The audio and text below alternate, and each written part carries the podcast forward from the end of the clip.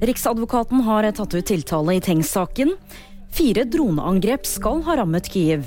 Og PSG-stjernen Neymar risikerer to års fengsel.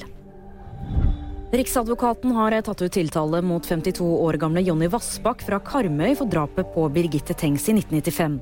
Det var i fjor at den nå 52 år gamle mannen ble pågrepet, siktet for drapet. Det betyr jo nå først og fremst at man kanskje kommer til bunns i denne forferdelige saken. Eh, og det skal vi bare understreke med en gang, at mannen i 50-årene er, er, og skal anses uskyldig inntil det motsatte bevist, er bevist, eventuelt. Og det skjer jo da eventuelt gjennom den rettssaken som nå kommer.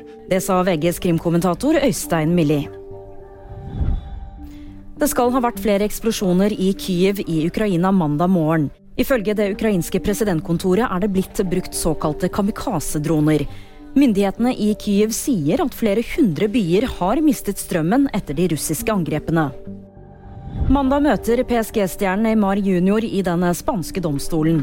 Det skjer etter anklager om skattefusk i forbindelse med overgangen hans fra Santos til Barcelona.